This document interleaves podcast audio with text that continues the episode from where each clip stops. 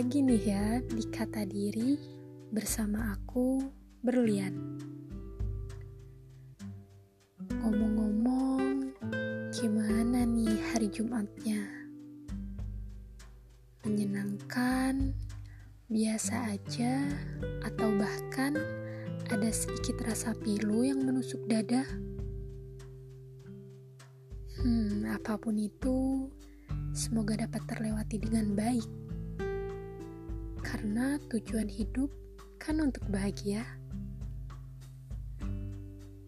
So, langsung aja nih. Di episodeku pertama, aku bakal ngomongin about you and your hero. Pasti mayoritas dari kalian udah pada sering denger nih tentang ridho orang tua, itu ridho Allah juga. Sampai kita detik-detik menuju akad nikah pun, tanggung jawab kita masih ada pada orang tua. Gimana nih menurut kalian perihal pasangan itu ya urusan kita. Kita berhak memilih tanpa campur tangan orang tua. Kenapa bisa begitu? Untuk sebagian orang beranggapan kan yang menjalani hidup setelah menikah kita. Ya emang bener pernyataan seperti itu. Gak ada yang salah karena setiap kata melekat pada diri seseorang, dan setiap diri memiliki katanya masing-masing.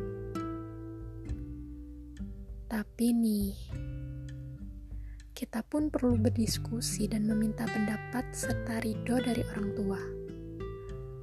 Apalagi anak cewek nih, melunaklah hati kalian bersabarlah dan bercengkrama secara hangat bersama orang tua. Dalam memilih langkah menikah dengan pasangan laki-lakimu, kamu juga harus memberikan kado terindah dan spesial untuk orang tuamu. Apalagi ayah. Jadi, kata spesial di sini itu yang bisa ngebuktiin kalau doi bisa ngambil alih kewajiban orang tua secara baik, bahkan lebih baik dari orang tua. Ayah terutama. Dia pasti paling sedih dan cemburu saat kamu menentukan untuk menikah bersama laki-laki yang kamu cinta.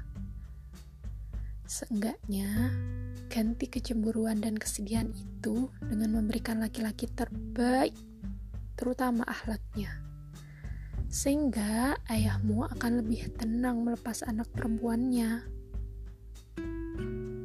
Ayah mana pun, mau orang biasa kek, sampai petinggi penting sekalipun, akan selalu ingin anak perempuannya hidup bahagia dan mendapat laki-laki yang bisa memperlakukan selayaknya tuan putri kecil. Ya, tuan putri kecil yang akan selalu dianggap kecil sampai kamu setua apa pun kelak. Gini nih maksudnya. Dari kamu lahir, ayah menjadi orang yang sangat bahagia. Salah satu anak perempuan merupakan idaman orang tua. Karena jika tua nanti, saat mereka renta dan sakit-sakitan, kalian yang lebih lembut merawat orang tua dibanding anak laki-laki karena memang sudah porsinya seperti itu. Ayah bekerja keras agar semua keinginanmu bisa terwujud. Kamu minta ini, minta itu secara spontan, dan terkadang tak terfikirkan apakah beliau mampu memenuhi atau tidak.